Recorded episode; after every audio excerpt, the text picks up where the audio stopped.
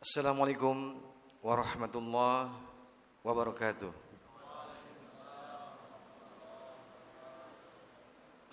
Innal hamdalillah nahmaduhu wa nasta'inuhu wa nastaghfiruh wa na'udzu billahi min shururi anfusina wa min sayyiati a'malina may yahdihillahu fala mudilla wa may yudlil fala hadiyalah. Ashhadu an la ilaha illallah wahdahu la syarika wa ashhadu anna Muhammadan abduhu wa rasuluh. قال الله تعالى في القرآن الكريم أعوذ بالله السميع العليم من الشيطان الرجيم ومن آياتي أن خلق لكم من أنفسكم أزواجا لتسكنوا إليها وجعلنا بينكم موحدة ورحمة إن في ذلك لآيات لقوم يتفكرون صدق الله العظيم وصدق النبي صلى الله عليه وسلم الحمد لله تتم الصالحات atas izin dan rahmat Allah Subhanahu wa taala pada kesempatan malam ini seperti biasa setiap malam Kamis alhamdulillah kita bisa bermuhajah dalam rangka watawassabil haq watawassabil sabr. Sebagai insan yang bertakwa kepada Allah Subhanahu wa taala yang bertauhid yang sadar bahwa kematian pasti segera menghampiri kita maka tidak cara yang terbaik bagi kita untuk terus membekali diri kita dengan uh, mendekat mukarrabun kepada Allah Jalla Jalaluh. Di samping itu dalam kehidupan ini kita dituntut sekali untuk banyak menimba ilmu agar tidak salah langkah. Apalagi konsepnya adalah pernikahan. Kebayang kalau kita menikah tidak dilandasi dengan ilmu syar'i, maka setan dengan mudah memporak-porandakan hati setiap kita, pasangan suami istri ya. Yang sudah lama menikah saja bisa banyak konflik, apalagi yang baru-baru seperti itu. Baik teman-teman yang rahmati Allah Subhanahu wa taala, pada kesempatan malam ini saya akan bahas kembali tentang bagaimana kita kayak karangan Syekh Maud Al-Masiri ya tentang bekal pernikahan. Sesuai janji saya kemarin ya yang sempat tertunda tentang bagaimana memilih kriteria. Kemarin bagaimana seorang ikhwan memilih kriteria akhwat ya. Sekarang gantian. Akhwat memilih kriteria ikhwan yang seperti apa? Ini penting buat ahwat juga dan penting juga buat ikhwannya mempersiapkan diri bagaimana menjemput pernikahan seperti itu. Maka ayo sama-sama kita tolabul ilmi. Bukan berarti yang berbicara ini lebih mulia daripada yang mendengar. Tidak ada. Tapi yang paling mulia di sisi Allah adalah in akramakum indallahi atqakum. Yang paling mulia di sisi Allah adalah mereka yang bertakwa kepada Allah Subhanahu wa taala. Baik sebelum melangkah ke sana, ini harus saya sampaikan saya akan menjelaskan tentang jenis-jenis pernikahan yang fasid. Ya. Pernikahan apa tuh? Yang rusak. Pada zaman jahiliyah sebelum Rasulullah SAW diutus ada beberapa pernikahan yang dianggap rusak ya. Pada zaman sekarang ada juga sejumlah pernikahan yang rusak tidak berdasarkan kepada kitab Allah dan sunnah Rasulullah SAW. Ya. Pernikahan apa saja? Yang pertama adalah nikah sigar, ya, shigar, sin, ya, shigar yaitu seorang menikahkan putri ataupun putri perwaliannya dengan orang lain dengan syarat orang itu juga menikahkan putrinya, saudara perempuan atau putri perwaliannya dengan dirinya, baik dengan mahar ataupun tanpa mahar. Jadi nikahnya di booking, ya. Kalau saya nikah sama ya, nikah kamu nikahkan dengan anak saya, maka saya akan menikahi anak kamu bla bla bla bla sesuai dengan tuntutan saat itu. Ya.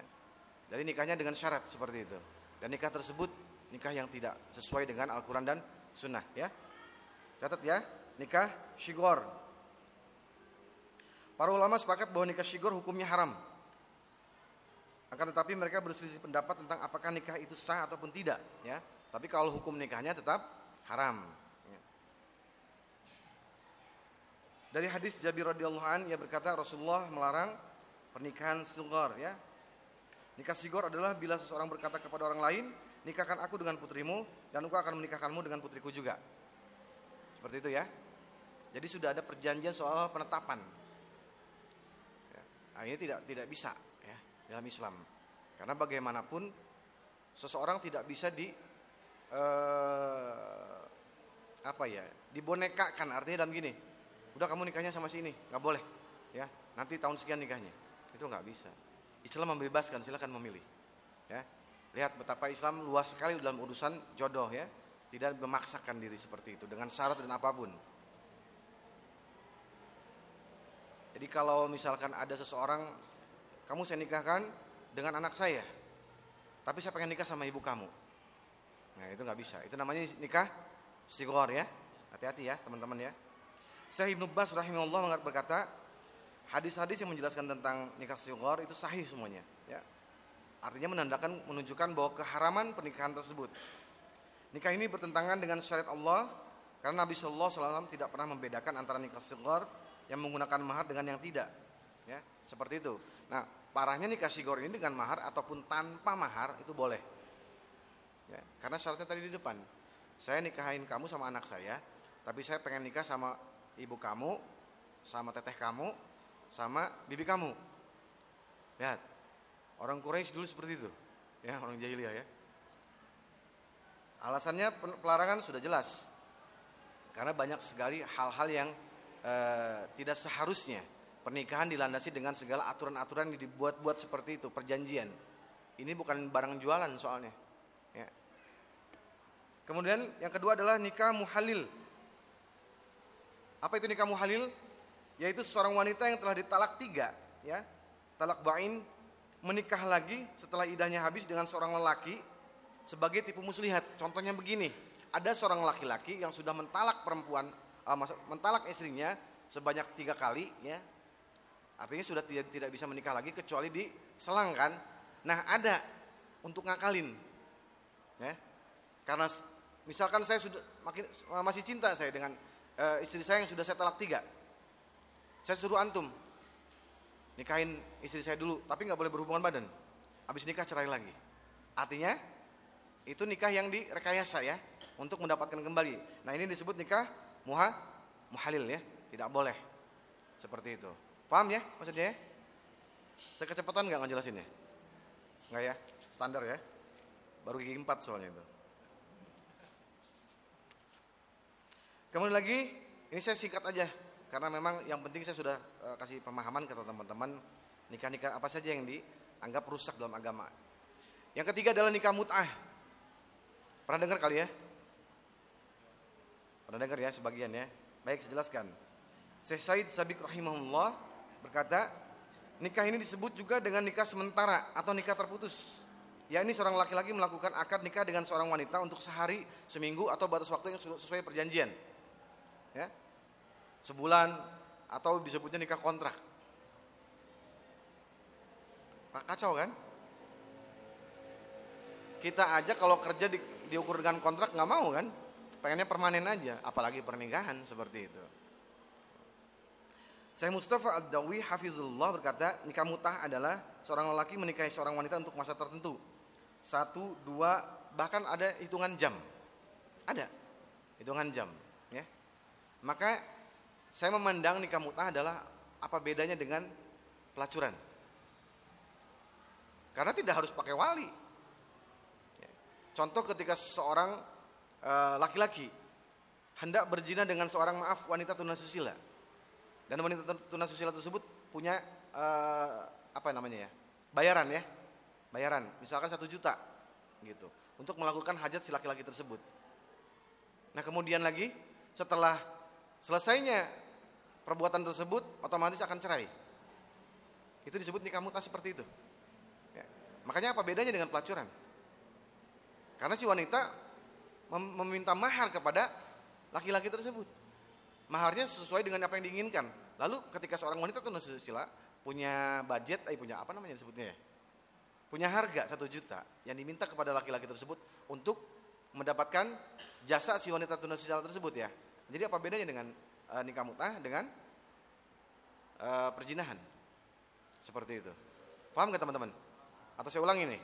Paham ya? Nah itu nikah mutah. Dan kaum Syiah itu berkata dalam Nazul Balaghah dalam uh, penjelasan kita mereka bahwa nikah mutah menurut mereka lebih mulia daripada nikahnya ahlu sunnah seperti itu ya justru ini yang disebut memperparah menghancurkan nasab jelas kenapa menghancurkan nasab karena begini hukumnya ketika ada seorang laki-laki eh, seorang wanita ya maaf seorang wanita menikahi mutah empat laki-laki dalam satu bulan. Minggu pertama dengan si A, minggu kedua dengan si B, minggu ketiga dengan si C, minggu keempat dengan si D. Ya, ini pernah perdebatan saya dengan manusia tentang masalah nikah muta. Saya, saya kasih pertanyaan seperti itu. Ada seorang wanita menikah dengan laki-laki uh, di minggu pertama, minggu kedua dengan si B, minggu ketiga dengan si C, minggu keempat dengan si D. Di bulan ke depan ternyata wanita tersebut hamil. Anak siapa? Gak bisa jawab.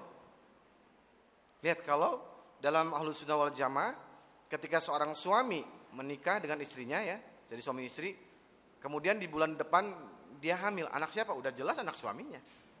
Nah kalau nikah mut'ah konsepnya tadi seminggu sekali ganti pasangan, maka ketika di bulan depan hamil, anak siapa pertanyaannya? Tapi mereka enteng menjawab, sekarang kan zaman canggih. Tinggal di, apa tuh namanya tuh?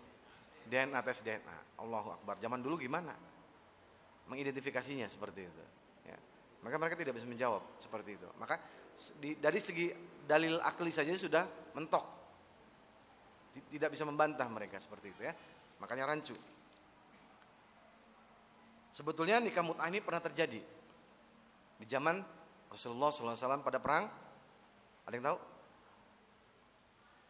Pada perang apa? Kemudian dimansuhkan.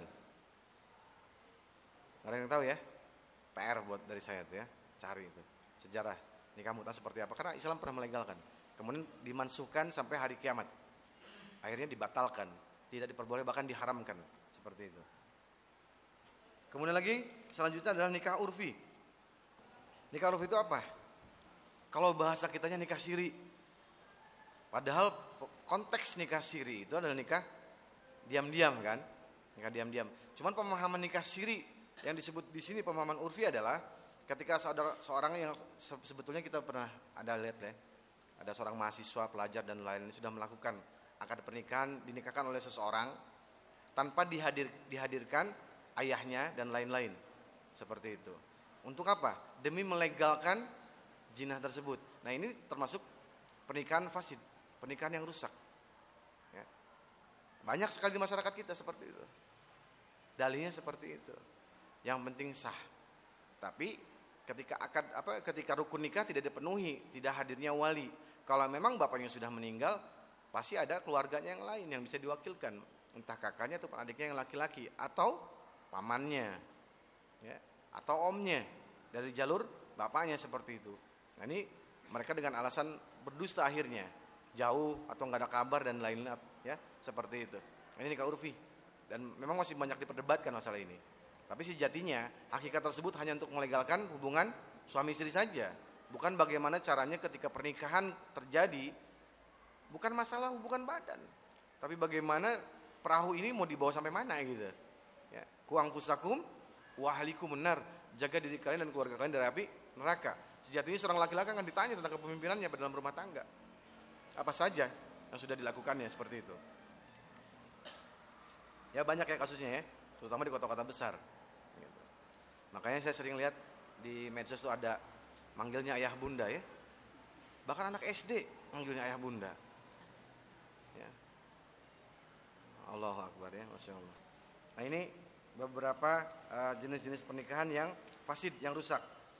Dan sudah pasti kita sebagai uh, seorang yang percaya dengan hari hisab, hindari hal-hal seperti itu. Jangan terlalu banyak mengikuti hawa nafsu, nafsu kita ya. Yang selanjutnya adalah nikah misyar. Apa itu? Nikah misyar adalah salah satu jenis pernikahan terbaru ya. Di beberapa negara dari kesimpulan seluruh definisinya yang dapat dipahami nikah misyar maksudnya adalah seorang lelaki melangsungkan akad nikah dengan seorang wanita secara syar'i sesuai dengan syarat dan rukun-rukunnya tetapi wanita itu merelakan beberapa haknya untuk sang suami secara sukarela misalnya hak mendapatkan rumah hak nafkah ataupun hak mendapatkan giliran di rumahnya bila ia dimadu.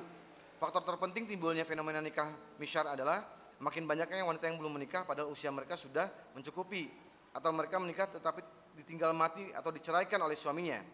Di samping itu mereka juga didorong oleh hasrat seksual yang menggebu atau kebutuhan akan seorang pendamping dalam hidupnya. Ini faktor pendorong dari pihak wanita. Jadi maksudnya gini, yang penting nikah. Ya, yang penting nikah. Nikahnya sehari semuanya. Tapi dari hal-hal yang lain si wanita sudah punya akad dulu dengan laki-laki. Kamu nggak boleh nuntut ini, nuntut ini, nuntut ini, nuntut ini, gitu ya. Yang penting saya bisa memenuhi biologis kamu. Yang penting nikah tadi judulnya. Sementara didikan agama dari suami tidak didapatkan. Karena si suami berpetualang terus nih. Jarang ada. Paling datang seminggu sekali, sebulan sekali. Hanya untuk menyalurkan uh, hasrat biologisnya. Ini disebut nikah misyar. Ya. Itu, sekali lagi, konteksnya pernikahan itu bukan hanya itu, itu saja. Tapi harus jelas bagaimana seorang suami mendidik istrinya. Dan karena ini akan ditanya di akhirat nanti. Seperti itu. Kalau ditanya pendapatnya seperti apa para ulama itu banyak e, bersilang pendapat. Ada yang mengatakan makruh, ya. Ada yang mengatakan haram. Seperti itu. Tentu ulama-ulama kontemporer karena pernikahan misyar ini baru baru terjadi abad-abad terbaru seperti ini, ya. Itu yang saya terangkan ya. Pernikahan-pernikahan fasid yang rusak yang tidak boleh kita melakukan hal seperti itu. Ya. Tapi saya nggak nggak menjamin ini akan keluar di pertanyaan ya. Karena nanti ada hadiah kan? Insya Allah ya. Gitu. Saya khawatir mencatat karena takut ada pertanyaan. Ya, ada pertanyaan, kemudian lagi, waduh hadiahnya nih, ditulis deh. Takutnya ditanyain seperti itu ya. Baik, teman-teman dirahmati Allah Subhanahu wa taala, maka saya akan langsung kepada tema yang saya janjikan kemarin, bagaimana seorang wanita memilih seorang ikhwan ya, untuk dijadikan sebagai suaminya atau imamnya Berdasarkan apa saja memilih calon suami tersebut? Nabi SAW telah membimbing para wali atau orang tua seorang gadis agar mereka mengutamakan peminang yang baik dari agama dan akhlaknya. Seperti itu ya. Maka ini penting untuk para akhwat untuk uh, mendengarkan. Ya. Karena bagaimanapun seorang suami akan menentukan biduk rumah tangga mau dibawa ke mana. Ya. Nah, Betapa penting di sini seorang uh, wanita memilih kriteria imam yang baik seperti apa. Karena penting sekali lagi tadi saya jelaskan bahwa pentingnya memilih imam ini berkaitan dengan biduk rumah tangganya mau dibawa ke mana. Stylenya mau seperti apa. Kalau ketika seorang wanita soleh menikah dengan laki-laki yang belum paham agama, maka ini mengerikan nantinya. Betapa banyak kasusnya ya. Cuman karena e, kadung sudah terlalu jatuh cinta, akhirnya wanita tersebut gambling. Apa gambling ya bahasa kitanya? E, berjudi seperti itu. Insya Allah Ustaz nanti kalau udah nikah saya bimbing. Ya nggak bisa. Yang membimbing di mana-mana juga lelaki. Maksudnya ingin mewarnai tapi terwarnai. Dan ini banyak kasus bukan satu dua. Bagaimana Islam memandang bahwa laki-laki adalah puncak dari segala ketentuan dalam mengambil persoalan ataupun keputusan dalam rumah tangga. Maka terbayangkan bila suami tersebut tidak memahami hukum-hukum agama yang sudah ditentukan oleh Allah dan Rasulnya. Maka ketika yang terjadi pernikahan tersebut akhirnya berimbas kepada ketentraman, ketenangan dalam rumah tangga. Pun sama tentang pengabdian-pengabdian rumah tangga tersebut kepada Allah dan Rasulnya. Ya. Akhirnya ketika menemukan karakter seorang suami yang hedonis, maka sibuk sekali di rumah tangga tersebut bagaimana cara memuaskan dirinya, anak dan istrinya untuk pergi jalan-jalan ya. Tanpa mengindahkan waktu sholat misalkan. Sering dibawa ke mall terus. Waktu Isya terus bergulir tidak pernah terfikirkan bagaimana seorang suami menggiring anak dan istrinya untuk datang ke musola di mall misalkan seperti itu. Tidak ada. Inilah akhirnya tanpa disadari seorang ayah mendidik anaknya untuk mengabaikan waktu sholat. Gampang sholat mau sampai rumah aja. Nah hal-hal yang seperti ini sepele. Tapi akhirnya menciptakan suasana rumah ya jadi seperti itu. Ya. Gak bisa seorang suami seperti ini. Bagaimanapun antum yang bertanggung jawab nanti. Allah kan menanyakan. Ya, apa yang sudah antum lakukan untuk istri dan anak-anak antum sendiri. Kalau cuma hanya berpikir tentang hedonis dunia dan kesenangan segala isinya, maka yang terjadi seperti itu. Ya. Baik, standarnya adalah Islam sudah menetapkan bahwa kriteria memilih seorang imam terletak pada agama dan ahlaknya. Sampai Rasulullah SAW memberi peringatan keras kepada mereka yang menghalangi pinangan seorang pemuda yang baik dan agamanya, ya, agama dan ahlaknya baik. Ya. Sebagaimana Rasulullah bersabda, jika datang kepada kalian seorang yang kalian ridho agamanya, ridho ahlaknya, maka kawinkanlah ia. Bila tidak, kata Nabi apa ancamannya? Tentu akan menjadi fitnah di dunia dan kerusakan yang besar. Lihat, sampai statement Rasulullah SAW sampai seperti itu ada apa? Karena ketika seorang ayah menolak pinangan seorang laki-laki yang agama dan ahlaknya ayah tersebut tahu ini baik anak ini. Tapi karena faktor eh, penghasilan ya yang tidak memadai dalam arti bukan orang tersebut tidak punya pekerjaan punya tapi standar kriteria yang ditetapkan oleh ayahnya terlalu tinggi misalkan. Ya. Dia berangan-angan memiliki seorang menantu yang sukses bisnisnya dan lain-lain. Maka ini akan merusak masa depan kebahagiaan istri, apa anaknya. Karena bagaimanapun Rasulullah bersabda, kalau engkau nikahkan anakmu dengan seorang yang baik agamanya, walaupun anak si laki-laki tersebut tidak suka, dia tidak akan mungkin menzoliminya. Tapi ketika engkau nikahkan dia dengan uh, seseorang yang rusak agamanya, ketika dia tidak suka dengan anak kamu, maka dia akan menzoliminya. Hal senada juga dengan nasihat Imam Hasan rahimahumullah. Ya. Hasan al Basri ya, itu menjelaskan sama senada seperti itu. Maka di sini penting kalau kita tarik akar benang merahnya adalah bahwa laki-laki yang terbaik adalah yang paling baik agama dan akhlaknya. Sampai-sampai agama Islam ini mengedepankan bahkan membela laki, tipikal laki-laki seperti itu. Layak untuk dijadikan seorang suami. Namun hari ini kita lihat betapa banyak para wanita menginginkan seorang suami yang ukurannya pertama yang harus didapatkan apa tuh? Karena apa? Hah? Karena hartanya. Ada lagi, karena apa? Physically, karena ganteng makan tuh ganteng. Seperti itu ya. Eh kalau sudah rusak kan apa artinya? Eh hari ini seperti itu. Kita tidak bisa menafikan kok dan memang itu terjadi. Dan sekali lagi, saya sering mendapati keributan-keributan dalam rumah tangga karena salah awal menikah. Barusan kemarin ada seorang ibu dalam kondisi hamil datang kepada saya. Ustadz saya minta dirukiah. Berapa usia kandungannya? 8 bulan. Saya bilang nanti saja setelah melahirkan. Nggak bisa Ustaz. Ketuban saya udah pecah. Bahkan dokter menyarankan untuk segera diangkat. Kok bisa begitu? Saya nggak ngerti ya secara medisnya seperti apa. Cuman ketika saya diagnosa terlalu banyak kesyirikan yang dilakukan. Sampai aktivitas terakhirnya dia adalah mandi kembang di eh, selancar di mana tuh? Katanya di tengah sawah kayak gitu, yang lagi viral. Ada yang tahu? Nah, di arah Pandeglang sana. Cuman ketika suaminya mana? Sudah menceraikan saya. Loh, kondisi hamil diceraikan tega banget sih bilang itu. Iya. Ketika dia minta kepada saya untuk menikah lagi, maka saya kalang kabut. Saya datangi beberapa orang pintar supaya membuat suami saya tidak mencer apa tidak nikah lagi. Habis-habisan dia datang ke dukun melakukan ritual ini supaya suaminya bagaimana. Tapi apa hasil akhirnya? Suaminya malah menceraikannya si suaminya menikah lagi. Lihat, saya tanya, maaf bu, punten, saya bilang ini.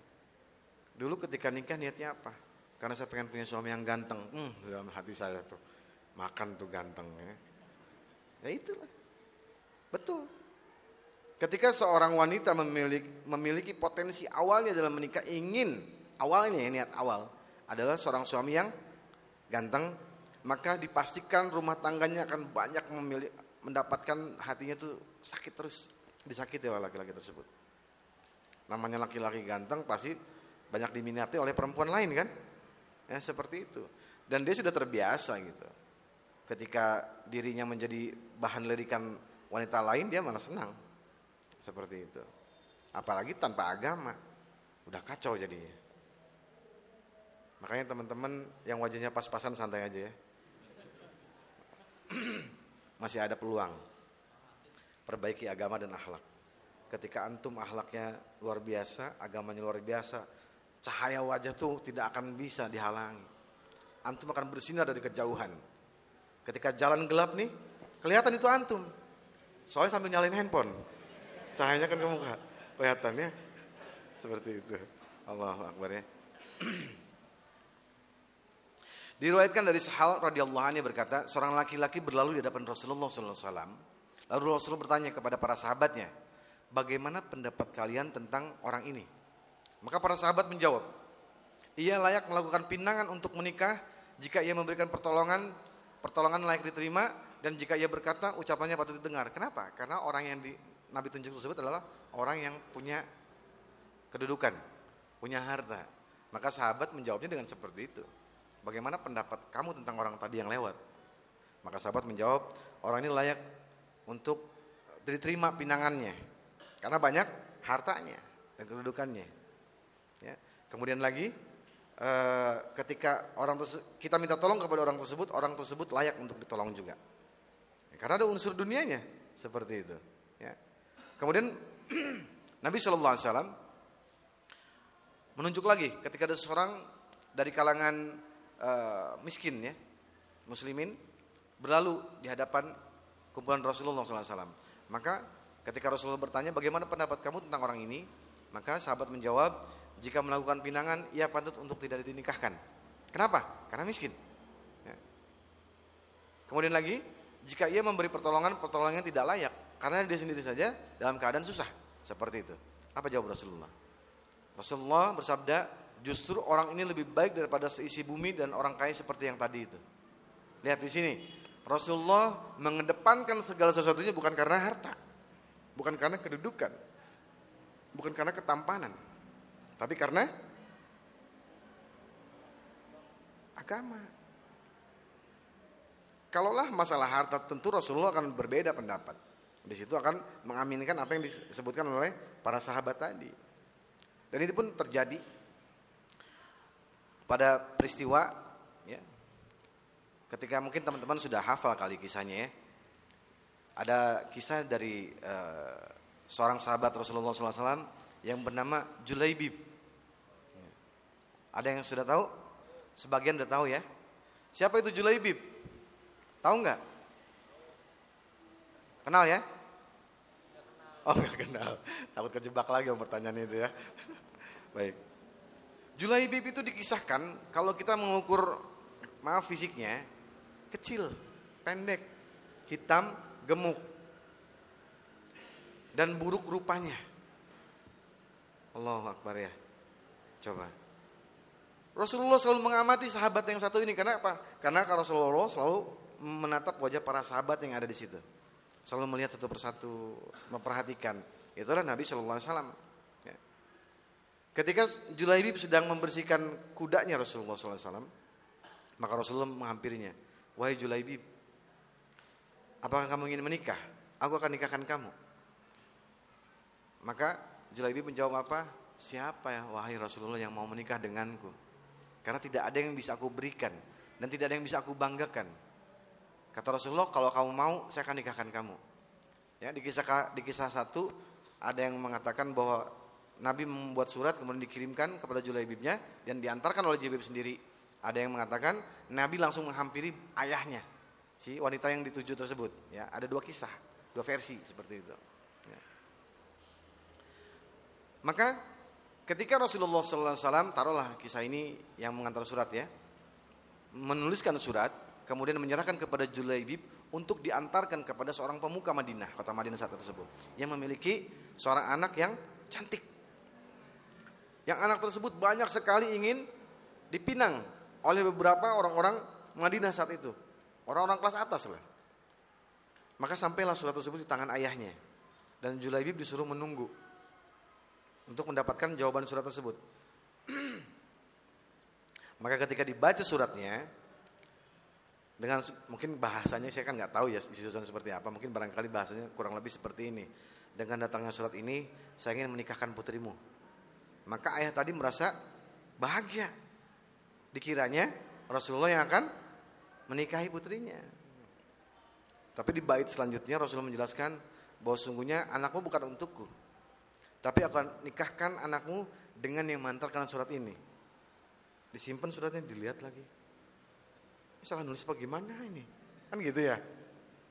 Ah salah kayaknya nih kayak gitu. Akhirnya si suami tersebut tidak bisa menolak apa-apa si bapak tersebut. Dia kemudian masuk ke rumahnya, kebetulan istrinya menghampirinya. Maka diceritakan kepada istrinya, wahai istriku, sesungguhnya Rasulullah datang kepada kita melalui surat ini, ingin meminang putri kita. Maka ibunya senang, tapi bukan untuk Rasulullah. Untuk siapa? Kamu buka tirai tersebut, itu laki-lakinya. Pas dilihat, ini nggak salah katanya. Artinya tidak sesuai ekspektasi orang tua tersebut. Menginginkan karena banyak pejabat-pejabat yang meminang tapi ditolak. Tapi ini yang datang Rasulullah. Maka ibunya berkata, demi Allah saya tidak akan mengawinkan anak putri saya dengan laki-laki jelek tersebut. Disebut lagi udah jelek, disebut lagi kan jelek. Ya. Akhirnya jelek kuadrat kan seperti itu. Maka terdengarlah oleh wanita tersebut.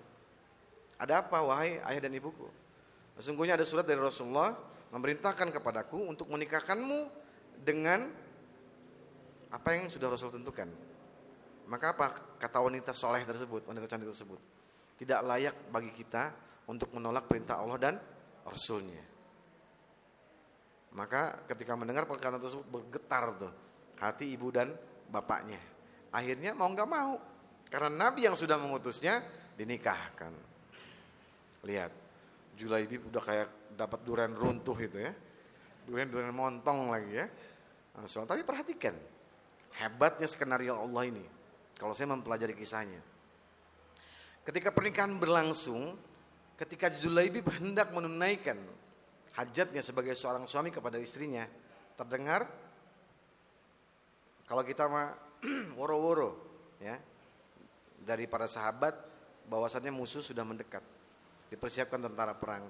Julaibib yang tadinya hendak menunaikan tugas suami, sebagai seorang suami kepada istrinya, dia dia apa, mengundurkan mengundurkan tugas tersebut lebih memilih untuk berjihad dengan Rasulullah SAW dan para sahabat saat itu tersebut.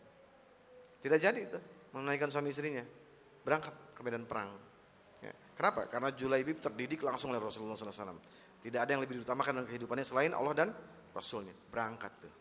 Masih pengantin muda, coba ya bayangin kalau antum lagi nikah, dikasih tahu, berangkat nih, ada perang, waduh, ini nggak bisa cuti nih, kan gitu ya. Pasti kita minta dispensasi ya, kayak gitu ya. Tapi ini tidak berangkat. Sampai perang selesai, Rasulullah bertanya kepada sahabat, apakah ada yang kehilangan dari sahabat kalian? Sahabat menjelaskan si fulan, si fulan, si fulan. Ada nggak yang kalian kehilangan? Karena Julaibib itu salah satu sahabat yang memang tidak banyak berkumpul di situ dengan sahabat utama. Karena merasa dirinya bukan siapa-siapa, tapi ibadahnya luar biasa kepada Allah Subhanahu wa taala. Sampai Rasulullah bertanya lagi, Aina Julaibib baru sadar sahabat. Oh ya di mana Julaibib? Dicari, ternyata jasadnya di sebelah tumpukan para musuh. Tujuh orang sudah wafat tuh. Artinya di orang yang melihat Julaibib sudah banyak membunuh musuhnya sebanyak tujuh orang, kemudian Julaibib terbunuh juga di sampingnya. Sampai-sampai Rasulullah SAW itu memangku jasadnya ditaruh nih di pahanya. Lihat, belum ada Rasulullah ketika ada sahabatnya yang uh, syahid diperlakukan seperti itu selain Julaibib. Lihat, di mata Allah seperti itu dan di mata Rasulullah juga seperti itu mulia. Padahal kita lihat secara fisikly Julaibib bukan siapa-siapa dan secara harta pun tidak apa-apa. Tapi di mata Allah, inna akramakum indallahi atskakum.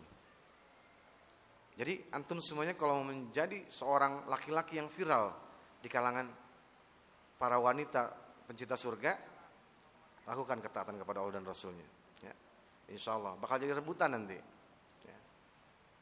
Jadi rebutan untuk dinikahkan. Insya Allah ya seperti itu.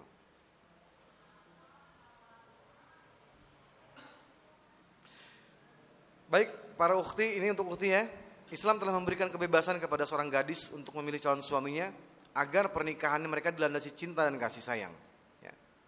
Disarankan agar gadis itu benar-benar menggunakan hak tersebut dengan baik. Ia tidak boleh menyerah kepada perasaannya saja, ia tidak boleh membiarkan dirinya terpesona hanya karena ketampanan calon suaminya tersebut. Ya. Sebab ketampanan pun akan sirna di zaman dimakan oleh zaman ya. Seorang gadis harus memilih calon suami yang soleh, berakhlak mulia, muamalahnya baik, serta memiliki tekad dan kemauan yang keras. Semua hal itu keistimewaan yang tidak akan lekang ditelan oleh waktu. Serta dapat menumbuhkan rasa cinta dan bahagia yang abadi. Ya, bila ketika mendapatkan seorang suami yang soleh. Soleh di sini global ya, sempurna. Bukan soleh dalam ibadah saja, tapi ahlaknya juga mulia. Bagaimana dia memperlakukan istrinya seperti apa. Dia juga faham tentang sunnah. Tidak mungkin seseorang faham tentang sunnah, tapi perlakuannya buruk kepada istrinya, tidak mungkin. Ya. Karena puncaknya kata Rasulullah, sebaik-baiknya kalian adalah yang paling baik memperlakukan istrinya. Lihat tuh. Ya. Puncaknya dari ahlu sunnah, keutamaan sebaik-baiknya yang paling baik memperlakukan istrinya. Jadi antum walaupun sudah kenal sudah kenal sunnah, tapi kasar kepada istrinya nol, ya belum belum paham berarti tentang sunnah seperti itu. Kalau kita lihat bagaimana kehidupan rumah tangga Rasulullah SAW, Nabi itu tidak malu loh untuk menjahit bajunya sendiri, ya sepatunya. Kemudian Nabi itu terbiasa pagi-pagi itu sering ke pasar untuk berbelanja makanan dan lain-lain. Tidak malu. Kalau seorang antum seorang suami, di sini yang udah nikah banyak nggak? Ada berapa orang? Coba tunjukkan tangan yang sudah nikah. Sering nyuci piring nggak? Bekas makan istri? Hah? Insya Allah ya. Justru ini sekedar mencabut sifat sombong dalam diri kita. Ya, saya berusaha bagaimana caranya mencabut sifat arogan. Karena bagaimanapun ketika kita merasa bahwa kita adalah imam, arogansi itu akan ada keluar. Biasanya ya. Gimana juga saya yang menentukan kamu masuk surga atau tidaknya. Allahu Akbar ya. Nah, ini jangan sungkan-sungkan. Kenapa? Karena Nabi kita mencontohkan seperti itu. Kalau perlu disuruh sama istri, Mas, tolong sih ke ke pas eh, ke warung beliin terasi tanggung nih. Coba ketika kita disuruh sama istri kita kira-kira nerima nggak kalau disuruh beli terasi ke warung? Terima nggak? Hah? Kok nggak ada suara ini? Terima ya? Terima dengan nyuruh orang lagi. Seperti itu. Seperti apa lagi calonnya minimal bisa membaca kitabullah dan menghafalnya meskipun sedikit. Catat ukhti ya. Wih, iya katanya kenceng banget ya. Allahu Akbar ya. Karena Nabi Shallallahu Alaihi Wasallam pernah menikahkan seorang sahabat dengan mahar hanya berupa hafalan Al-Quran. Sebagaimana yang pernah saya jelaskan di kajian sebelumnya ya. Jadi yang pertama kriterianya adalah bisa membaca kitabullah dan menghafal meski sedikit. Yang terpenting dia bisa baca Al-Quran. Maka imam-imam hari ini harus benar-benar bisa membaca Al-Quran. Ya, seperti itu. Kalau belum, ya udah belajar deh. Ya, maka saya sarankan sebelum nikah, sebelum nikah nih, lebih baik antum belajar Al-Quran sampai bisa. Baca tuh. Coba kalau ketemu sama naibnya iseng, ya, akhirnya dirubah tuh akad nikahnya pakai bahasa Arab. Waduh, pusing itu. Hafalan buyar semuanya tuh. Ya. Kobil tuh, kobil nak, apa lagi ini? Apa ini kobil katanya kan gitu. Karena nggak terbiasa dengan tata bahasa Arab. Bahasa Al-Quran kan seperti itu. Ya. Akhirnya kita keberatan. Kenapa? Karena kalau sudah nikah, kalau antum tidak disibukkan dengan agama, maka disibukkan dengan hal yang sia-sia. Seperti itu karena. Ya nggak bisa alasan lagi pasti kan alasannya apa sibuk nyari uang kan saya kalau saya nggak kerja nggak nyari uang anak saya makan apa ya istri saya makan pakai apa ya pakai tangan lah bisa pakai kaki nah seperti itu ya, jadi kita kan cari pembenaran-pembenaran terus orangnya susah kajian demi kajian tidak pernah didatangkan jarang sekali bawa istri ke kajian seperti itu kemudian yang kedua mampu dalam dua hal. Yang pertama adalah berjima. Nggak usah saya jelasin ya, tahu ya. Berjima dan memiliki biaya. Nabi Shallallahu Alaihi Wasallam sangat menganjurkan agar para pemuda yang sudah mampu menikah segera menikah. Mampu di sini mencukupi dua hal, mampu berjima dan mampu dari segi biaya. Maksudnya memberi nafkah ya. Seperti itu. Dalam sebuah hadis Rasulullah SAW uh, dalam sebuah hadis Rasulullah diriwayatkan bahwa Fatimah binti Qais menceritakan kepada Rasulullah bahwa Muawiyah ibnu Abi Sufyan dan Abu Jaham telah meminang dirinya. Jadi dua laki-laki datang sekaligus kepada Fatimah ibnu Qais kepada Rasulullah minta nasihatnya. Kira-kira siapa yang harus dipilih dari kedua laki-laki tersebut? Maka Rasulullah memberikan pertimbangan menjelaskan pendapatnya. Kata Rasulullah, adapun Abu Jaham, ia adalah orang yang tidak menurunkan tongkatnya dari pundaknya. Artinya orang yang sering memukul. Sering memukul. Karena rata-rata di zaman Nabi itu mayoritas bawa tongkat. Walaupun masih muda. Karena tongkat tersebut bisa berguna untuk unta, untuk narik dan lain-lain ya. Seperti itu. Jadi rata-rata pakai tongkat.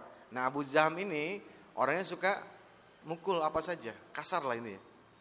Dikasih penjelasan sama Nabi kepada uh, Fatimah binti Qais tersebut. Kalau Abu Jaham ini orangnya begini. Kata Rasulullah yang saya tahu. Dia sering memukul. Kemudian sementara Muawiyah adalah orang yang melarat dan tidak berharta. Maka dari itu Nabi malah menyarankan yang lain. Nikahlah dengan Usama bin Zaid. Ibnu Zaid. Ya. Maka akhirnya Fatimah ibnu Qais melaksanakan saran Rasulullah yang menikah dengan Usama dan Allah pun memberikan kebaikan dan kebahagiaan kepada, kepada rumah tangganya. Ya. Hikmahnya di sini adalah Rasulullah mempertimbangkan sahabat yang tadi, yang ketiga, yang akhirnya menjadi suaminya Siti Fatimah ya, yaitu Usamah. Kenapa? Karena mampu secara finansial. Artinya mampu di sini mampu menafkahi. Seperti itu. Ya intinya juga jangan mentang-mentang udah soleh, udah ahlaknya baik, nggak usah kerja lah. Ya. Terus gimana nafkah anak istri dari Allah? Ya betul emang dari siapa lagi kalau bukan dari Allah ya. Tapi antum menyebutnya dengan cara apa? Ya Allah tuh kan maha baik mengantarkan. Ini nih yang kayak gini ya. Kadang-kadang susah diajak ngobrolnya. Pembenaran terus. Ya, menggunakan dalil menggunakan dalil tidak semestinya. Seperti itu. Jadi pertimbangan bagi seorang akhwat juga lihat kemampuan dia dalam menafkahi. Berapapun ya yang penting mampu di sini. Antum mampunya berapa setiap hari? Setiap minggu atau setiap bulan? Setiap bulan Ustaz setiap gajian. Berapa mampunya? Satu juta. Ceritakan ke calon istri. Saya mampunya segini loh nanti kalau mau nikah sama saya karena gaji saya sekian kira-kira kamu mampu nggak sanggup nggak sanggup ya sudah Bismillah seperti itu ya lebih baik diceritakan daripada nanti yang ada malah banyak tuntutan. Karena kita khawatir ketemu dengan tipikal wanita yang banyak menuntut nantinya. Kan pusing ke kepala. Ya. Mas bulan depan beliin mobil dong. Ya Allah neng, gaji saya cuma sejuta. Berapa bulan ngumpulin kan gitu ya. yang ketiga adalah cari karakternya yang penyayang kepada istri. Sebagaimana dikisahkan di hadis tadi yang saya ceritakan, bagaimana Rasulullah menjalankan Siti Fatimah, uh, Fatimah uh, binti Qais menikah dengan Usama bin Zaid karena ketika seorang laki-laki yang bernama Abu Hajm ya, Abu Jaham meminangnya, maka Nabi menjelaskan bahwa dia tukang pukul, sering mukul tangannya. Tidak di uh, tidak disarankan oleh Nabi. Di sini kita juga mengambil pelajaran bahwa Nabi tidak suka kepada laki-laki yang seperti itu. Ya. Maka pilihlah seorang laki-laki yang penyayang kepada istri. Ya. Kalau sayang tuh beda loh. Ya. Antum sayang kepada istri itu bukan karena uh, dia cuma hanya wanita saja. Ya. Tapi bagaimanapun dia adalah pasangan kita loh. Pasangan yang sudah menemani kita. Yang kadangkala dia tidak pernah mengeluh. Ya. Dikasih berapa aja terima malam-malam dia harus nungguin kita pulangnya dari luar sampai sambil harap-harap cemas. Kita nggak pernah tahu bahwa istri kita ketika kita keluar dari rumah untuk mencari nafkah, dia berdoa, ya Allah selamatkan suami saya. Bimbing tangannya ya Allah untuk mencari rezeki yang halal-halal saja. Ya. Tuh cari cari istrinya juga yang begitu, yang ngedoain terus ya. Bukan ketika ada masalah, doain kamu kalau matanya sekeleweran, tabrakan kamu di jalan. Wah, Allah. Ini istri dikasih makan apa ini? Sampai segitunya ya. Yang ada yang keluar caci maki terus gitu. Dan ada yang begitu tuh ada. Yang selanjutnya enak dipandang. Ini penting ya buat para akhwat. Enak dipandang juga, tapi jangan berlebihan. Ya. Ustaz saya mah pengen punya suami itu yang enak dipandang kayak Cristiano Ronaldo. Masya Allah. Ya. Kalau ada laki-laki seperti itu, itu pun bukan buat an, buat buat kamu saya bilangin. Ya, pasti dia akan mencari yang lebih kayak gitu. Maka jangan dijadikan patokan ketika mencari seorang suami karena ganteng ya, update ya kayak gitu. Dadanya bidang ya. Bidang apa? Bidang pendidikan ya seperti itu dan lain-lain. Masya Allah. Ya. Kemudian yang selanjutnya adalah sekufu. Apa sekufu itu setara dengan istri ya. Nanti akan kita bahas apa itu sekufu ya. Ini perlu agar tidak terjadi hal-hal yang tidak diinginkan. Misalnya keduanya tidak saling menyukai atau istri membangkang kepada suami ya, akhirnya jadi news ya. Karena kepemimpinan lelaki atau wanita terletak pada dua hal. Pertama karena fitrahnya seperti itu, laki-laki adalah kawam ya. Fitrahnya laki-laki adalah pemimpin bagi wanita ya. Yang kedua, kemampuan eksternalnya. Yaitu bahwa laki-laki berkewajiban memberi nafkah ya baik harta ataupun nafkah lahir ya. Kebayang kalau tidak sekufu, contohnya suaminya ijazahnya lulusan SD, istrinya S3 kedokteran. Kira-kira kalau menentukan sesuatu nyambung nggak itu? Kan sudah terbayang. Tidak sekufu namanya seperti ini. Tidak sejajar, tidak sebanding. Sekufu di sini bukan masalah harta ya. Kan ternyata ketika saya eh, pelajari dari beberapa bab-bab tentang kufu tidak terletak di situ. Tapi di sini kesetaraannya baik agamanya ya. Agamanya. Maka kenapa sekufu ini penting? Ketika seorang wanita menikah dengan non muslim, aduh kacau ini. Pasti akan ke bawah. Karena dalam hal dalam agama Islam diharamkan. Tapi bagi ikhwan menikah dengan wanita non muslim itu dimakruhkan. Berharap karena ikhwan bisa membimbing seperti itu. Ya. Kalau wanita karena terbimbing. Di mana-mana juga nah, karena laki-laki adalah pemimpin yang menentukan semuanya. Ya. Makanya sampai ada yang maksain nggak mau keluar dari agama masing-masing nikahnya di luar negeri. Ya. Yang dipakai tata caranya seperti apa? Wallahu alam bisawab. Saya nggak ngerti ya. Seperti itu. Kemudian lagi mampu menjaga kesucian istrinya. Seorang gadis yang masih belia makruh hukumnya menikah dengan seorang laki-laki yang tua berumur. Ya. Contohnya ketika si uh, Abu Bakar As-Siddiq hendak meminang putrinya Rasulullah Siti Fatimah Jahramatul Wajah. Apa kata Rasulullah Abu Bakar? Siti Fatimah masih kecil. Kenapa? Karena ini sebetulnya Enak nggak ya dibahasnya? Kalau sama masih muda, masih membara. Ya. Kalau sudah sepuh, usia 80, 70, 80 ke atas, biasanya sudah menurun faktor biologisnya, keinginannya ya. Tapi kalau masih muda sama-sama masih membara.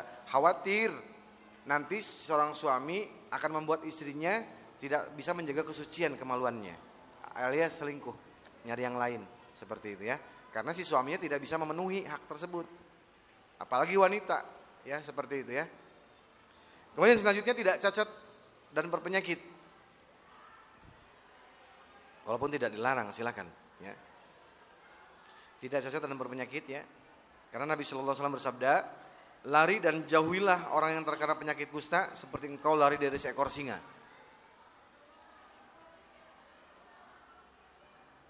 Yang selanjutnya bukan orang yang tidak subur alias mandul. Anjuran ini tertera dalam hadis yang menyatakan keutamaan keturunan kecuali jika si wanita juga memiliki kendala serupa. Allah alam ya. Jadi cari bagaimana cara mengeceknya. Udah pernah saya jelaskan di kajian sebelumnya ya. Tentang boleh kita meminta bantuan dari uh, rumah sakit dan lain-lain ya. Apakah kita termasuk yang memang uh, mandul seperti itu ya. Bagaimana cara mengobatinya? Insya Allah, penyakit pasti ada obatnya. Ya. Yang selanjutnya jujur dan amanah. Kalau ketemu sama seorang imam yang tidak bisa menjaga amanah, malu kita. Ya. Karena tidak dipercaya oleh orang lain. Kasihan nantinya. Apalagi dia banyak memiliki kasus. Misalkan calon suaminya ini banyak sekali memiliki kasus yang tidak amanah berupa uang. Khawatir nanti pernikahan, akhirnya setiap hari rumah tangganya dihiasi dengan orang yang datang menagih. Ya, seperti itu. Atau banyak caci maki yang datang. Akhirnya karena banyak rumah tangga yang hancur, si istri tidak kuat. Ternyata suaminya menanggung banyak hutang sekali. Sebelum era pernikahannya. Tapi akhirnya orang yang sudah, yang orang yang punya hutang kan nggak tahu mak, nggak tahu menahu. Yang penting hutang saya terbayar.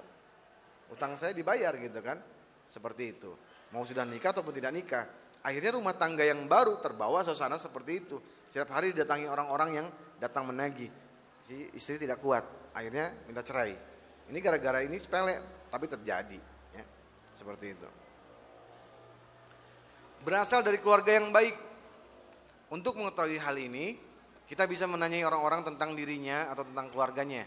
Biasanya keluarganya yang baik terkenal di tengah komunitasnya ya.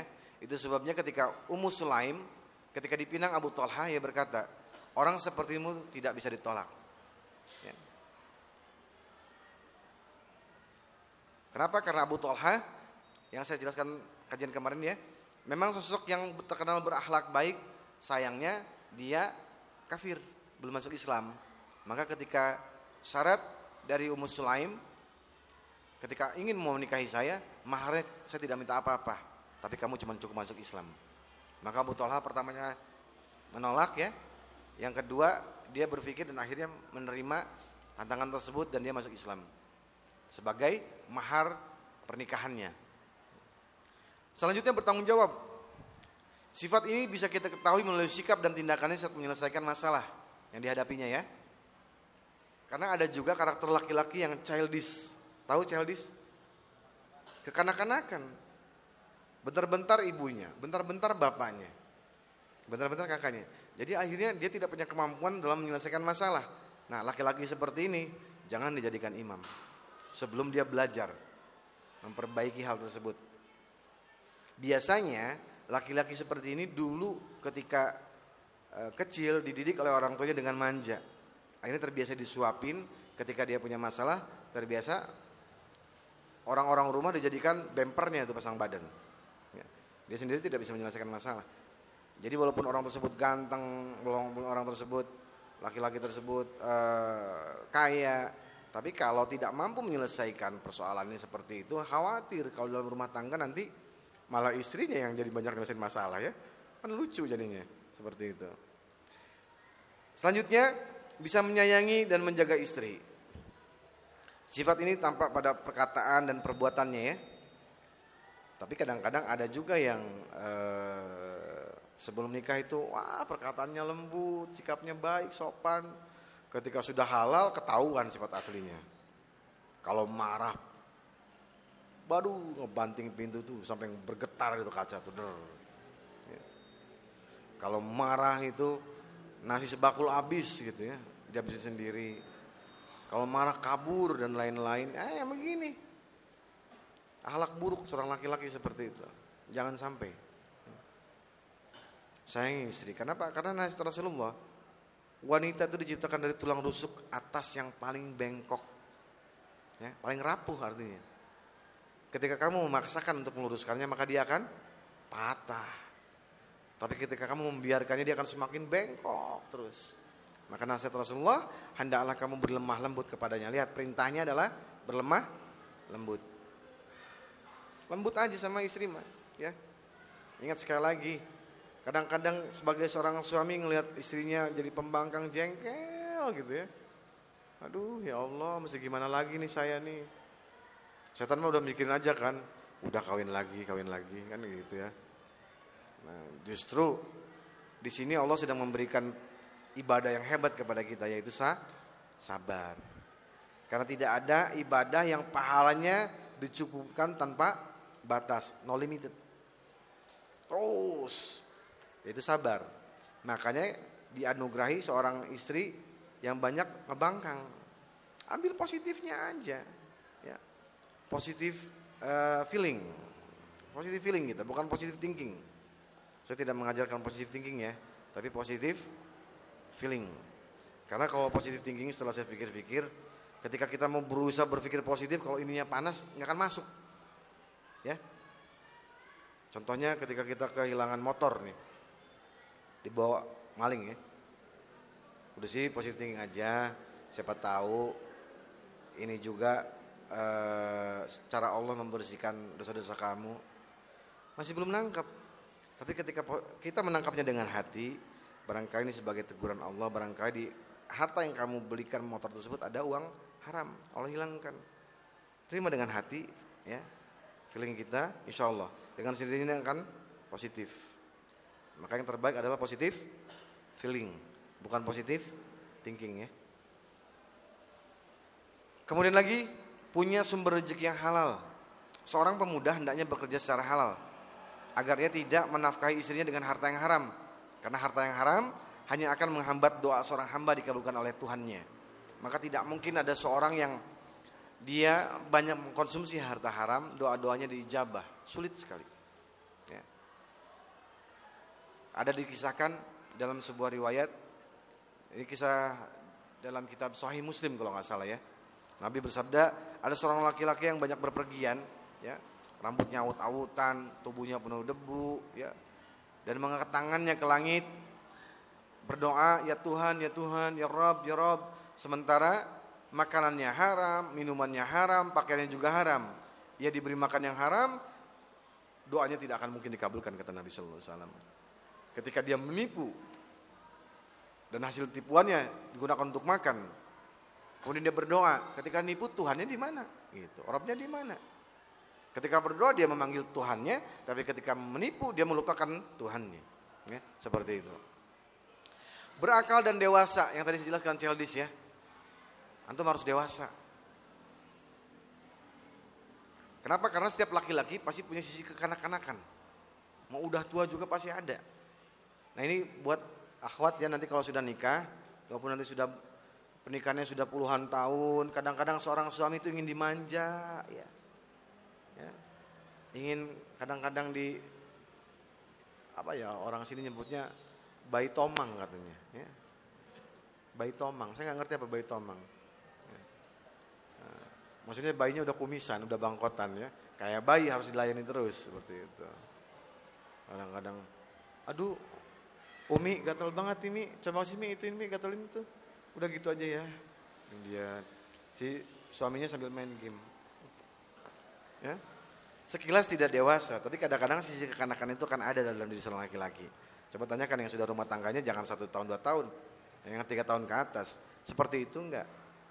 Tapi ini penting juga untuk memupuk saling sayang menyayangi ya. Perlu juga. Kebayang kalau suaminya merengut aja misalnya ya.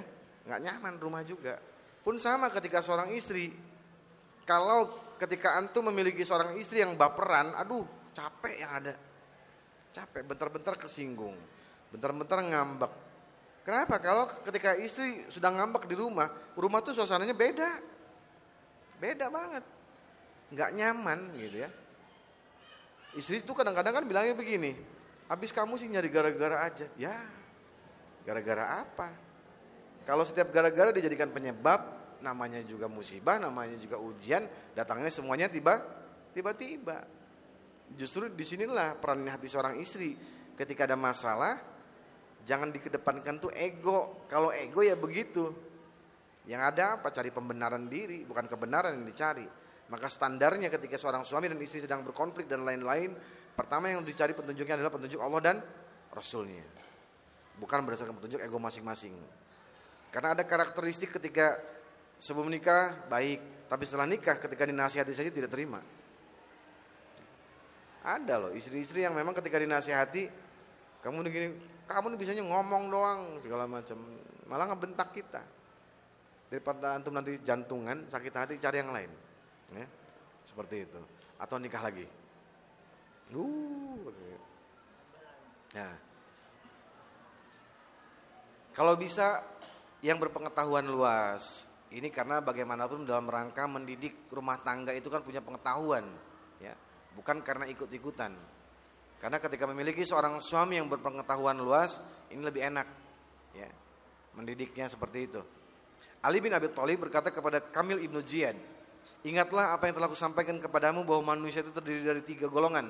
yakni seorang alim yang rebani, seorang terpelajar di jalan keselamatan, dan seorang yang bodoh yang hina yang hanya mengikuti setiap ajakan meliukan ke mana angin berhembus tidak diterangi cahaya ilmu dan tidak berpegangan pada tiang yang kokoh karena itu pentingnya bagi suami untuk menuntut ilmu dan berdakwah begitu pula seorang istri agar kehidupan mereka penuh dengan tugas dakwah kepada Allah Subhanahu wa taala.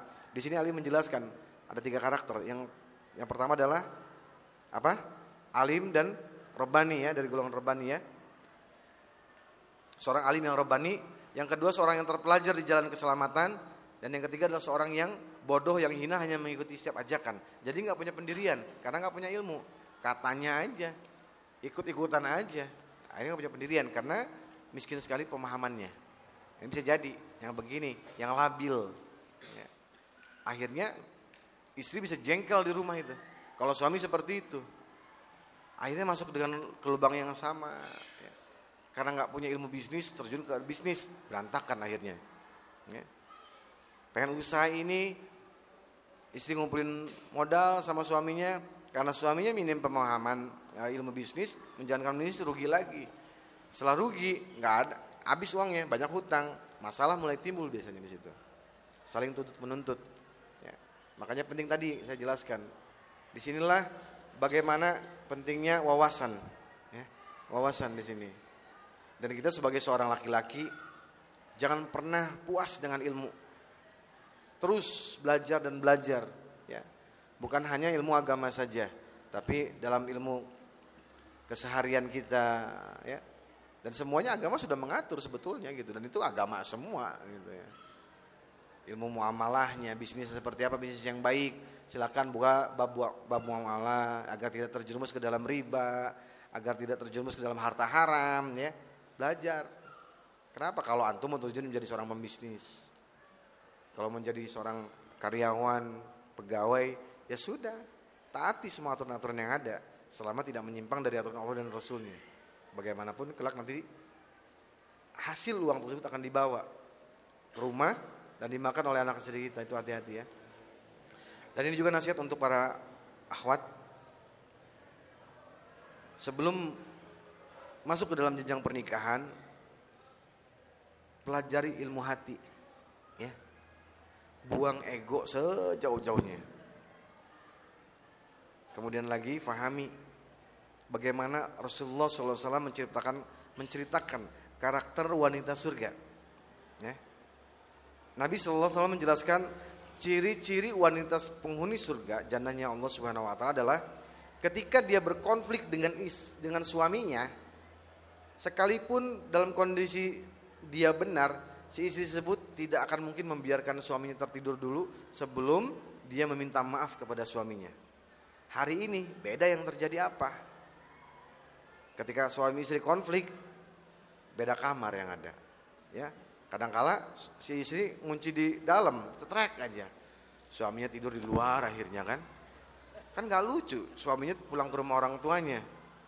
Kenapa nak pulang ke sini? Uh, ini uh, uh, akhirnya bohong kan untuk menjaga ibu rumah tangga seperti itu. Lama-lama kan ketahuan seperti itu. Pahami kalau memang uh, anti semuanya ingin menjadi seorang istri yang soleha, bukan di dunia sih tapi goal getternya adalah masuk ke dalam surganya Allah. Ingat, ridhonya kalian masuk surga adalah pada keriduan seorang suami. Maka kenapa sampai-sampai Fatimah istrinya Ali bin Abi Thalib Ketika Ali pernah kesinggung dengan perkataan Siti Fatimah, apa yang dilakukan oleh Siti Fatimah ketika mendapat teguran dari ayahnya? Maka dia membawa seluruh anak-anaknya, itu membuat supaya Ali memaafkan kesalahannya. Ketika Ali meminta maaf, Ali diam aja. Karena pedihnya ucapan tersebut. Ya. Fatimah nggak kehabisan akal. Hasan, Husain ya. Kemudian lagi uh, anaknya yang lain ya kayak Umar, Abu Bakar. Nama anak Ali bin Abi Thalib itu Umar, Abu Bakar ada. Masya Allah, jadi para sahabat saking cintanya Ali kepada sahabat yang lain seperti itu. Dikasih nama nama sahabatnya. Kemudian Siti Fatimah membawa anaknya mengitari Ali sambil bernyanyi. Ya kalau kita mah ya. Sampai akhirnya Ali tertawa. Kemudian memaafkan. Ya, akhirnya lihat usaha upaya yang dilakukan oleh Siti Fatimah untuk mendapatkan keridoan Ali bin Abi Thalib. Pelajaran ini kan di situ. Ya. Nah, makanya ketika anti semuanya mempelajari ilmu dari kajian ke kajian, kajian ke kajian, apa manfaatnya untuk suami? Ini seperti itu. Anti belajar agama, belajar akhlak, belajar fikih semuanya. Kan ujung-ujungnya ke sana nantinya. Jangan sampai ketika anti belajar hijrah dan lain-lain, tapi perlakuan kepada suami tidak ada rubahnya, berarti gagal namanya itu. Hijrahnya gagal. Sekali lagi saya jelaskan bagaimana hadis-hadis yang bertebaran tentang bagaimana Rasulullah menjelaskan kriteria wanita yang masuk surga itu seperti apa. Sikapnya ketika di dunia. Ya.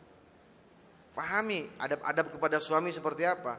Jangan sampai nanti ada kisah seorang istri musuhin suaminya. Masya Allah, suaminya dimusuhin sama istrinya. Ya. Keluar rumah apa eh, ribut, beda kamar, papasan cemberut aja mukanya. Ya.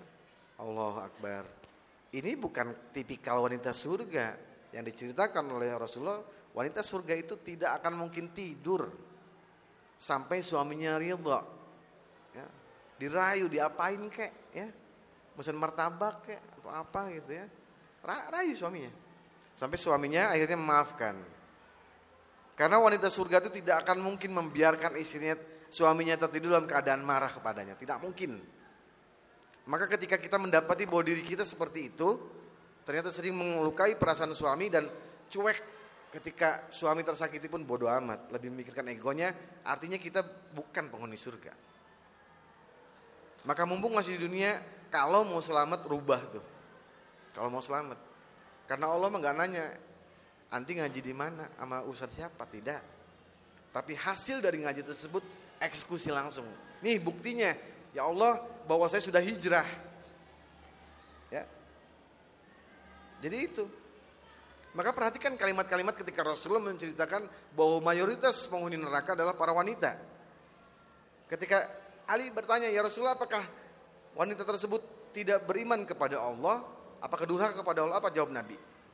Tidak. Hubungan mereka dengan Allah baik-baik saja. Artinya ibadahnya nggak ada masalah.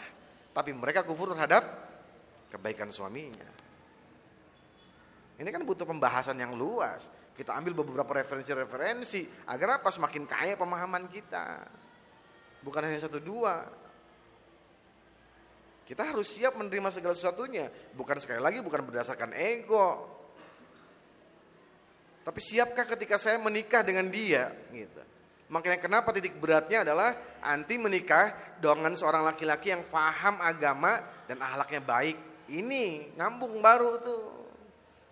Ketika anti memiliki seorang yang agama dan uh, ahlaknya baik suaminya, ketika anti minta maaf kepada dia, dia pasti akan segera memeluk dan mencium keningnya. Sebagaimana Rasulullah ketika marah kepada uh, Siti Aisyah, apa yang dilakukan Rasulullah? Pejamkan mata kamu wahai Aisyah. Buka lagi. Sudah hilang marahku. Dipeluk. Begitu. Itu namanya laki-laki soleh. Dan istrinya juga soleh. Ya. Ego lagi yang yang mendasari segala sesuatu yang terjadi dalam konflik rumah tangga. Seorang suami punya kepentingan, seorang istri pun sama. Ya. Hak-hak yang tunaikan.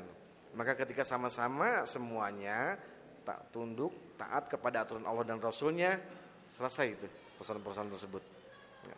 Di sini penting, nggak ada lagi yang penting selain itu. Selain agama, ya. Banyak sebetulnya pembahasan-pembahasan.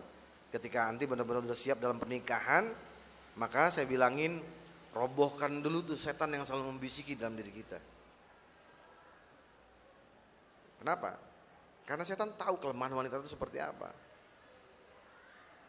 Jadilah wanita yang pemaaf, wanita yang bijaksana, yang gak baperan, yang gak baperan. Kadangkala ketika uh, kita meng, menempuh manhaj salaf ya, manhaj salaf, maka anti cari itu. Bagaimana istri-istri para salafus soleh. Ketika ditanya, bagaimana kalian memperlakukan suami kalian? Maka apa, apa jawab para istri salafus soleh? Sebagaimana kalian memperlakukan raja kalian. Paham gak bahasanya? Ya, dengerin ya para ukti ya. Ini nasihatnya penting banget soalnya. Kalau anti memang menempuh manhaj salaf, salafus soleh, ikuti juga dong. Para istri-istri para salafus soleh seperti apa? Ketika ditanya bagaimana kalian memperlakukan suami kalian, maka jawab para istri salafus soleh, kami memperlakukan suami kami sebagaimana kalian memperlakukan raja kalian. Tuh seperti itu tuh. Coba kalau suaminya ahlaknya buruk, besar kepala langsung. Eh, kamu senut sama saya, kamu neraka, kamu kalau nggak nurut. Kan begitu. Tapi kalau suaminya soleh, sayangku, cintaku, bidadariku, doain aku ya. Aku pun akan mendoakan kamu. Kan begitu sama-sama. Tidak, wah, tidak apa gitu, tidak ego dan lain-lain. Tapi karena saling mengingatkan satu sama lain. Kayak lagi ini rumah tangga mau dibawa ke mana judulnya, gitu. Bukan euforia antum semuanya ketika belum menikah, sudah menikah kan lagi berbunga-bunga tuh. Ya berbunga berbunga Masya Allah kekajian. Belum turun ujiannya, cobaannya belum. Nanti ketika ujian cobaan datang, di situlah kualitas iman seseorang akan dilihatkan. Ya, pasangan akan melihat, seorang suami akan melihat ahlak seorang istrinya. Pun sama, istrinya akan melihat ahlak suaminya ketika masalah itu datang. Apa ketika konflik terjadi, satu sama lain saling teriak tuh, marah-marah saling banting pintu kasar sebagai protes dan lain-lain. Ya. Ada kalanya sebagai seorang suami pun kita harus benar bisa memahami ketika kondisi akhlak istri kita tidak belum sempurna, maka tidak ada lagi cara yang harus kita lakukan adalah fasbir, maka bersabarlah sabron jamila dengan sabar yang cantik sekali. Ya. Sabar. Sekali lagi saya bilangin, sabar kuncinya. Kalau istri ikhlas, ikhlas menerima semuanya. Karena bagaimanapun istri kita itu bukan bidadari yang sempurna. Dan para suami juga bukan para malaikat yang selalu benar. Kita punya aib, punya celah. Nah di sini kenapa kita harus ikhlas menerima kekurangan tersebut? Justru pernikahan ketika saya terima nikahnya, artinya saya menerima segala kebaikan dan kekurangan pasangan saya tersebut. Kan lucu kalau ada yang nikah, kenapa cerai? Gak cocok. Ya emang gak cocok. Gak, gak cocok gimana? Kita laki-laki, dia perempuan kan gak cocok. Ya. Sekarang baru bilang gak cocok karena sudah cerai. Seperti itu. Kenapa? Habis beda sih. Ya Allah dari kelamin juga beda. Justru pernikahan itu menyatukan sesuatu perbedaan di situ. Perbedaan yang memang harus diterima oleh kita. Maka di sini kenapa saya bilangin tadi ikhlas dikedepankan menjadi nomor satu. Bukan kelebihan yang menjadikan rumah tangga tersebut bahagia. Sudah jelas namanya bahagia pasti bakal kelebihan namanya pasti bakal bahagia kan, nggak usah dibayangin. Pasti bahagia dan kita tidak jangan terlalu tinggi juga ekspektasi kita. Tapi ketika rumah tangga berhasil menerima segala kekurangan pasangan kita dengan ikhlas, lebih menyadari bahwa ini Allah sudah datangkan kepada saya dan saya harus banyak bersyukur kepada Allah Subhanahu wa taala sudah didatangkan jodoh saya. Ingat lagi, dulu lagi jomblo, Masya Allah gelisahnya kayak apa? Sholat tahajud getolnya luar biasa, sedekahnya rajin. Ya Allah datangkan jodoh saya. Udah datang jodohnya, udah jadi pernikahannya yang ada begitu. Ada-ada nanti kita kufur nikmat di sini masuknya. Ya, Termasuk golongan orang kufur tanpa sadar. Banyak makanya hikmahnya penting. Selain kita memahami di sini fase-fase rumah tangga dan saya pun ingin share lah. Bagaimana caranya mempertahankan rumah tangga dari badai masalah-masalah. Ya. Saya cukup banyak belajar lah tentang pernikahan karena memang alhamdulillah Allah selalu perjumpakan saya dengan konflik rumah tangga terus. Ya. Yang inilah, yang itulah, yang ini, yang itulah dan saya banyak belajar. Justru dengan Allah datangkan tersebut saya banyak belajar. Oh ternyata ketika rumah tangga begini ini nggak baik. Gitu. Oh, kenapa rumah tangganya seperti ini? Cari akar permasalahannya. Oh ketemu di sini. Yang sering saya sampaikan, pernikahan menjemput pernikahan dengan cara pacaran, tidak mungkin Allah turunkan sakinah. Ya. Jadi pahami, wala taqrabuz zina dan jangan kalian dekati zina dan kita paham bahwa pacaran tersebut masuk ke wilayah mendekati zina. Maka sudah diharamkan. Tidak mungkin Allah menurunkan janjinya sakinah, mawadah, warohmah ketika orang tersebut melanggar aturan Allah. Jadi tidak mungkin. Kalau sudah terlanjur gimana Ustaz? Ya Allah maha pen, kefurur rahim, Allah maha pengampun. Tinggal minta ampun sama Allah, maka Allah ampuni. Ya. Sampai jam berapa saya ini? Sudah ya. Saya kalau udah ini semangat menggebu-gebu ya. Baik, teman-teman eh, kesimpulan akhirnya seperti tadi yang sudah saya uraikan, jika antum semuanya menginginkan pasangan seperti Fatimah, ya, selayaknya engkau harus menjadi Ali lebih dulu ya. Sebaliknya, jika engkau menginginkan suami seperti Ali, engkau juga harus lebih dulu menjadi istri seperti Fatimah. Wahai saudara-saudariku yang soleh, itulah sifat-sifat yang harus ada pada diri seseorang calon suami yang soleh ya. Eh, dan yang kuinginkan untuk menjadi teman hidup. Ya. Maka mohonlah pertolongan Allah dan meminta kepadanya agar dia menganugerahimu suami yang soleh yang mengajakmu menuju surganya Allah. Ketahuilah bahwa pernikahan merupakan anugerah dan rezeki dan rezeki tidak akan datang kecuali dengan ketaatan kepada Allah. Maka demikian yang bisa disampaikan kurang lebihnya mohon maaf. Barakallahu fikum ajmain. Silakan kalau ada yang mau bertanya.